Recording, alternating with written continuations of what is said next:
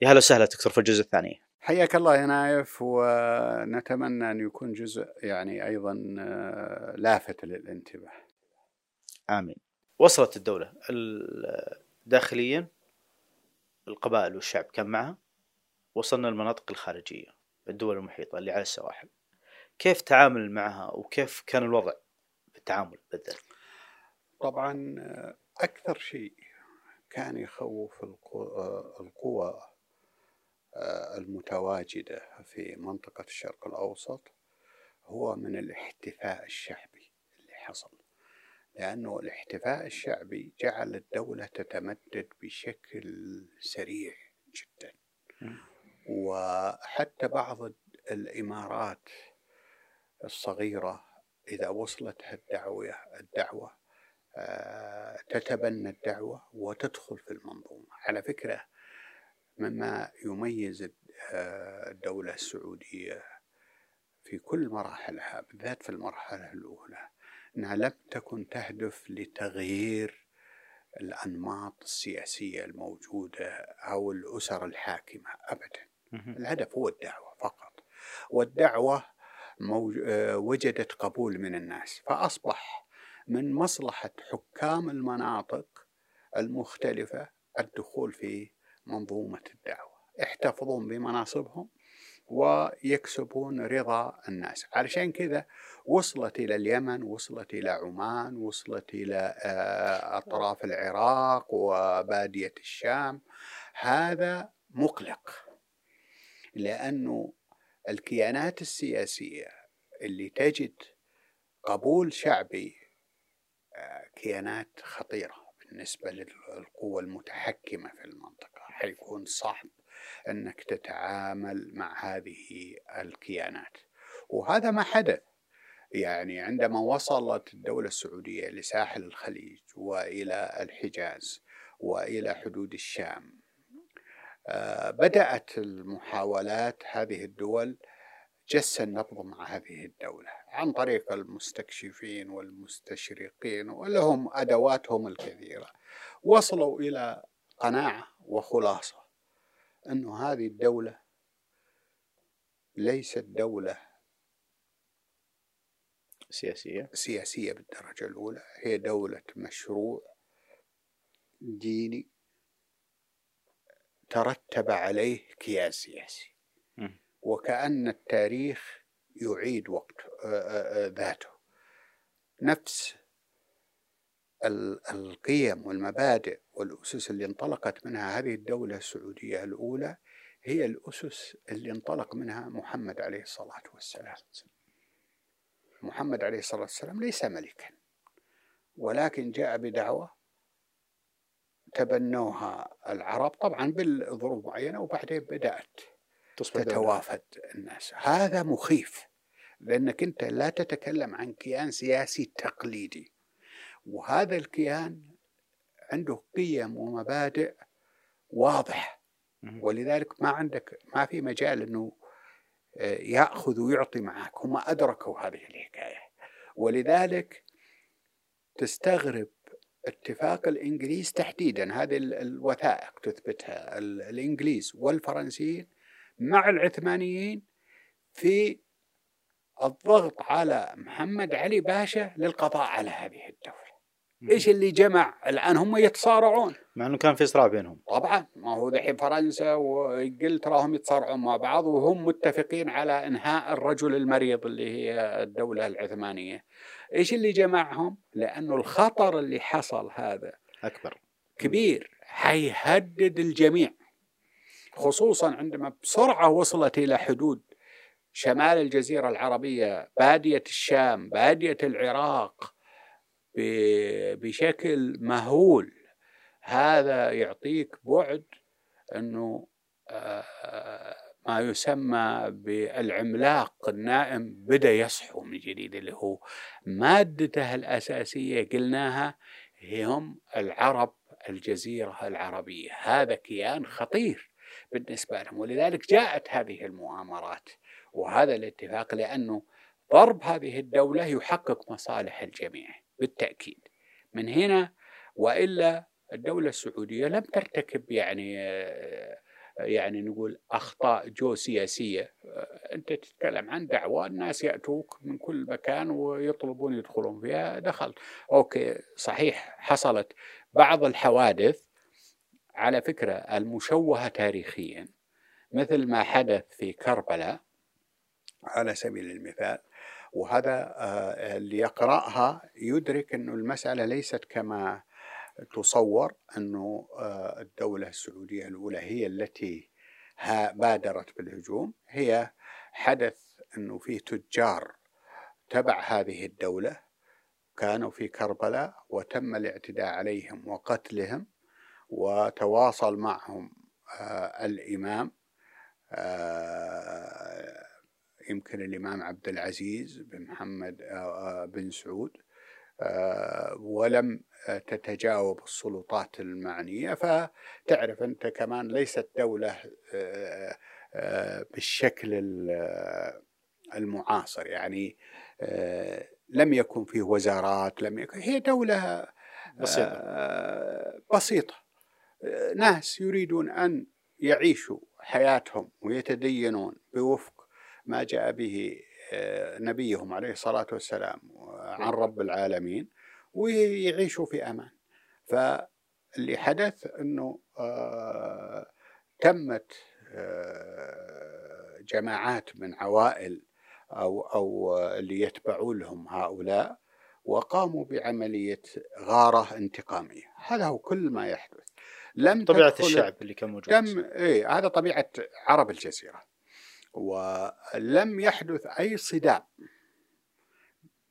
تعمد صدام بين الدولة السعودية وهذه القوى الاستعمارية. ولكن إحنا نعرف أنه حتى لو لم يحدث منك صدام هذا لا يعني أنهم سيتركوك لحالك أو يتركوك كما لأن القضية أبعاد أخرى. لما تستقل أو هذه من... يعني تخيل. تستقل لحالها؟ يعني تخيل الآن كل الساحل في الخليج العربي أصبح موالي لهذه الدولة ومشروعها هنا سيجد بالتأكيد الإنجليز صعوبة في التعامل مع هؤلاء الناس لأنه المشروع اللي جاءت به هذه الدولة مشروع قيمي قيم لا يقبل التعاون مع الأعداء لتحقيق مصالح كائن من كان. نحن في ها ونحن في معتقداتنا لا لا لا لا نتحرك فقط لنعيش لا لحماية قيمنا وشريعتنا وديننا.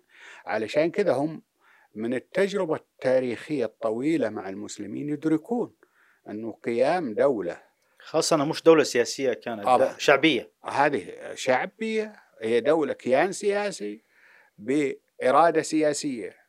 بتوافق وإرادة ورغبة شعبية تغير من سلوك الأفراد.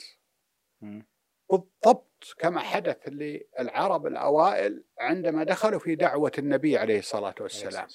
حولتهم من قطاع طرق ويتفاخرون في القتال الثأري إلى ناس فاتحين. فتحوا هالعالم كله لأنه أصبح عنده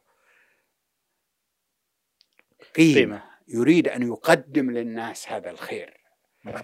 لا يريدون التجربة تتكرر. ولذلك أنا أقول المنطق السياسي في ذاك الوقت كان يحتم على هذه الدول التخلص من هذا الكيان. على فكرة مع هذا اللي حصل وهذه المؤامرة إلا أن هذه الدعوة أحدثت الأثر المطلوب في معظم العالم الإسلامي. ترتبت أكثر من حركات تجديدية وسياسية في العالم الإسلامي من الهند إلى أقصى المغرب العربي. وكانت فيها بعض التحولات لكن بتطرق لها شوي. بدأت هذا الصراع وشافوا الخطر. الآن بدأوا يسقطون الدولة. اللي هي الدولة السعودية الأولى. صحيح. كيف سقطت وكيف بدأوا يسقطونها؟ خاصة أنها هي نواة الحرب الأولى على آه، السعودية خلينا نقول صحيح. إحنا قلنا إنه الظرف والمصالح جمعت هذه الأطراف المعادية فدعمت آه، محمد علي باشا وأرسل قواته إلى الجزيرة العربية في أكثر من حملة. أكثر حملتين لم تنجح والحملة الثالثة نجحت. و آه، في ظل عدم وجود إسناد كافي من العالم الإسلامي والعربي لأنه كان عالم يعني مستنفذ. يعني للأسف الناس ما في يدهم شيء. فشاء الله سبحانه وتعالى أنه تنجح هذه. طبعا لا شك أنه محمد علي باشا كانت أيضا عنده طموحات الشخصية. وأيضا كان يحلم أنه يرث الإمبراطورية العثمانية كان يحلم فيها. وهو يرتكز من من مصر والسودان للتوسع عشان كذا أخذ مشروع التحديث. ودعم مرحليا من الغرب. وبعدين يوم شافوا أن المشروع هذا بيكبر آه، يظل هذا مسلم في النهاية فلم لم يوفوا بعملية التحديث. ولكن أن بالنسبة لمحمد علي باشا أن تكون آه، الحجاز وما يتبعها في الجزيرة العربية تابعة لها وخصوصا نتكلم دائما الناس يغفلون أنه الجزيرة العربية أهميتها الاستراتيجية حتى في في البعد الإسلامي لا تتوقف عند مكة والمدينة. في منطقة الأحساء اللي هي سلة غذاء جيوش العالم. علشان كذا لو رجعنا بالذاكرة للتاريخ نجد أنه الرومان احتلوا الأحساء. الإسكندر الأكبر أو الإسكندر المقدوني آه، فرض هيمنته على الأحساء. لأن الأحساء تنتج ماذا؟ تنتج التمر. التمر هو الغذاء الذي يمكن أن يخزن سنوات ويتنقل مع الجيوش. وإحنا نتكلم قبل 300 سنة كان التمر غذاء أساسي. يعني ما ما في بدائل. ولذلك اللي بيسيطر على الجزيرة العربية لا يكتفي بمكة والمدينة لازم يسيطر على الأحساء ومكة والمدينة وحتى يضمن السيطرة لابد يسيطر على نجد يهيمن سياسيا على نجد عشان يضمن عملية يعني التوازن. التوازن ويستكمل الفوائد. يعني احتلال الجزيرة العربية بالنسبة لمحمد علي حيعطيه الشرعية السياسية أنه يقدم نفسه كحاكم مطلق للمسلمين وأيضا سيضمن له زاد مهم لحركة جيوشه اللي كان ناوي يوحد فيها أو يكبر فيها دولته. مساحة. طيب آه، تداعيات السقوط. شوف أنا أعتقد أن سقوط الدولة السعودية الأولى سرع في نهاية الدولة العثمانية. بمعنى أنه العثمانيون ما ما كان عندهم بعد استراتيجي بعيد المدى. كان بإمكانهم يحتوون هذه الدولة بشكل أو بآخر ويستفيدوا من قوة الدفع اللي خلقتها هذه الدولة لإعادة بناء الإمبراطورية العثمانية ولكن لم يوفقوا الحقيقة. آه، محاربتهم لهذه الدولة تؤكد أنه كان المنظار اللي ينظروا ينظرون فيه لما حولهم منظار محدود جدا وكلفهم الكثير لأنه بعد سقوط الدولة السعودية الأولى وما تلاها من الدولة السعودية الثانية قامت الثورة العربية الكبرى اللي قادها الشريف حسين. من مكة. وهذه ضربت العثمانيين في الصميم. ويمكن هي المسمار اللي آه، أسس لنعش هذه الدولة وتشظية الدولة العثمانية.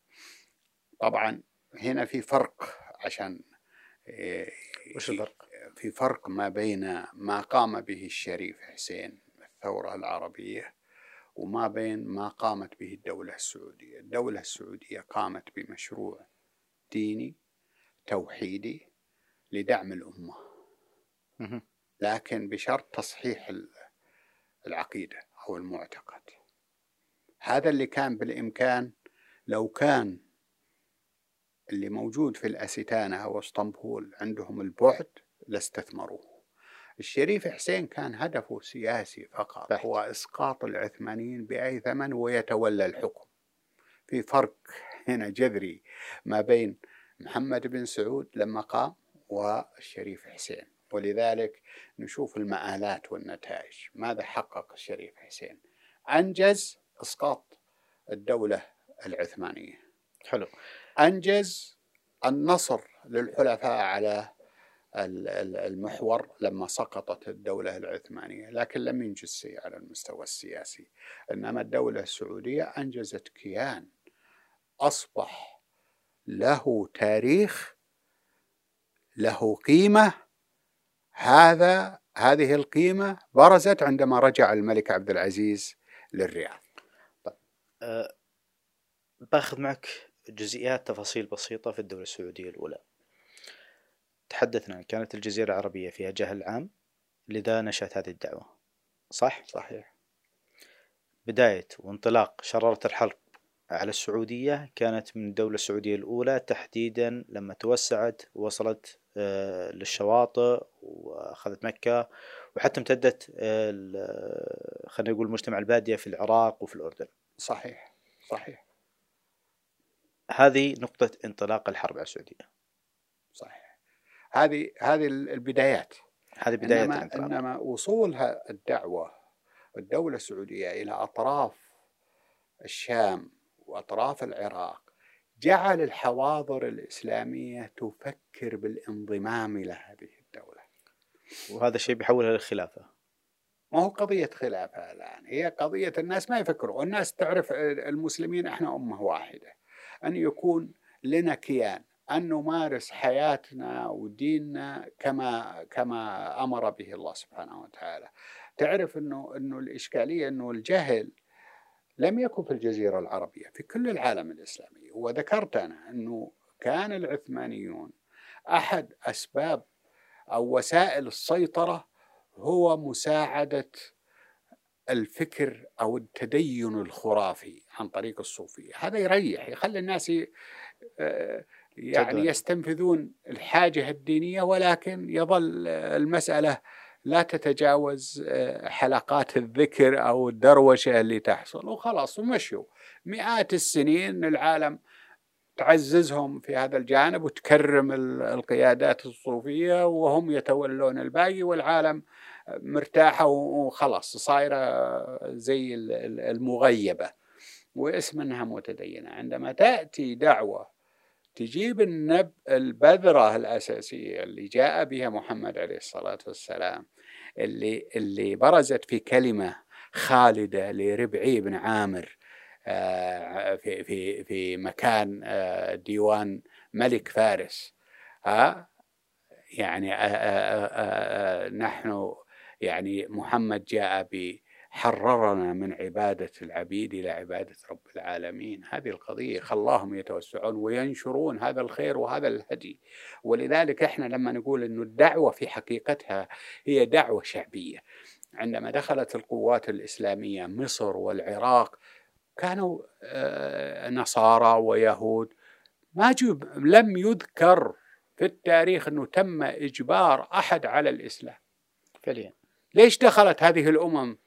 في في في دين الله أفواجا لأنه هذا هذه الرسالة الخالدة العظيمة هي ما يحتاجه الناس ولذلك يتبنونها. الآن مصر اللي كان تاريخها تعاقبت عليها حضارات واستقرت فيها النصرانية أصبحت هي أهم دولة آه، تمثل مدد للإسلام. فارس العراق الشام كله لم يكن فيه آه، إلا نسبة من العرب كانوا كلهم سريان. صعب أنك أنت تفرض وتحول الناس جبرا.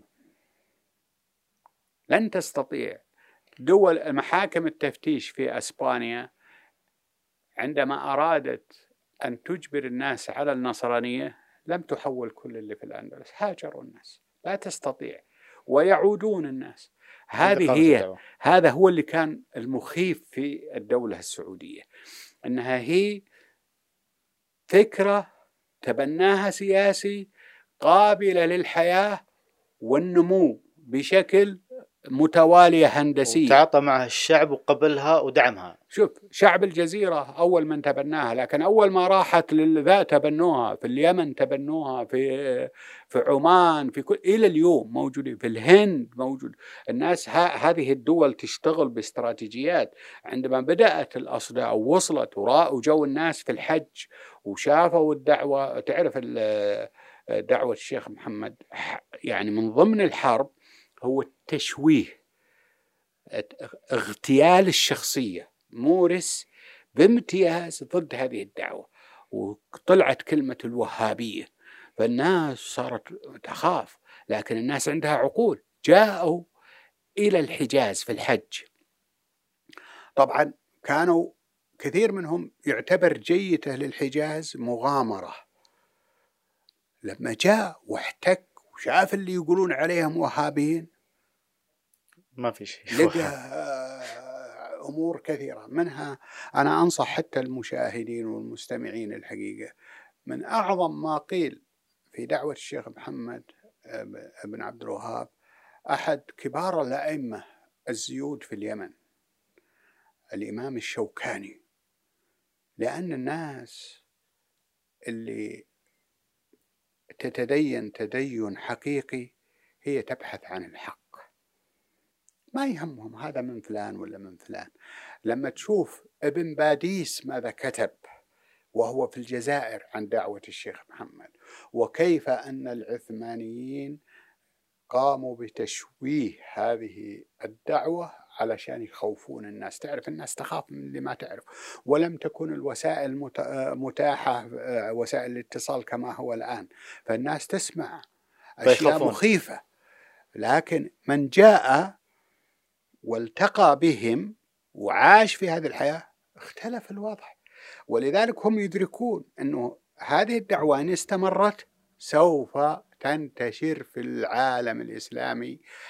بشكل كبير. حتى لو لم تكن دولة واحدة حتتحول المجتمعات ستطالب المجتمعات بنموذج الدولة السعودية. حلو. شكرا دكتور في الجزء الثاني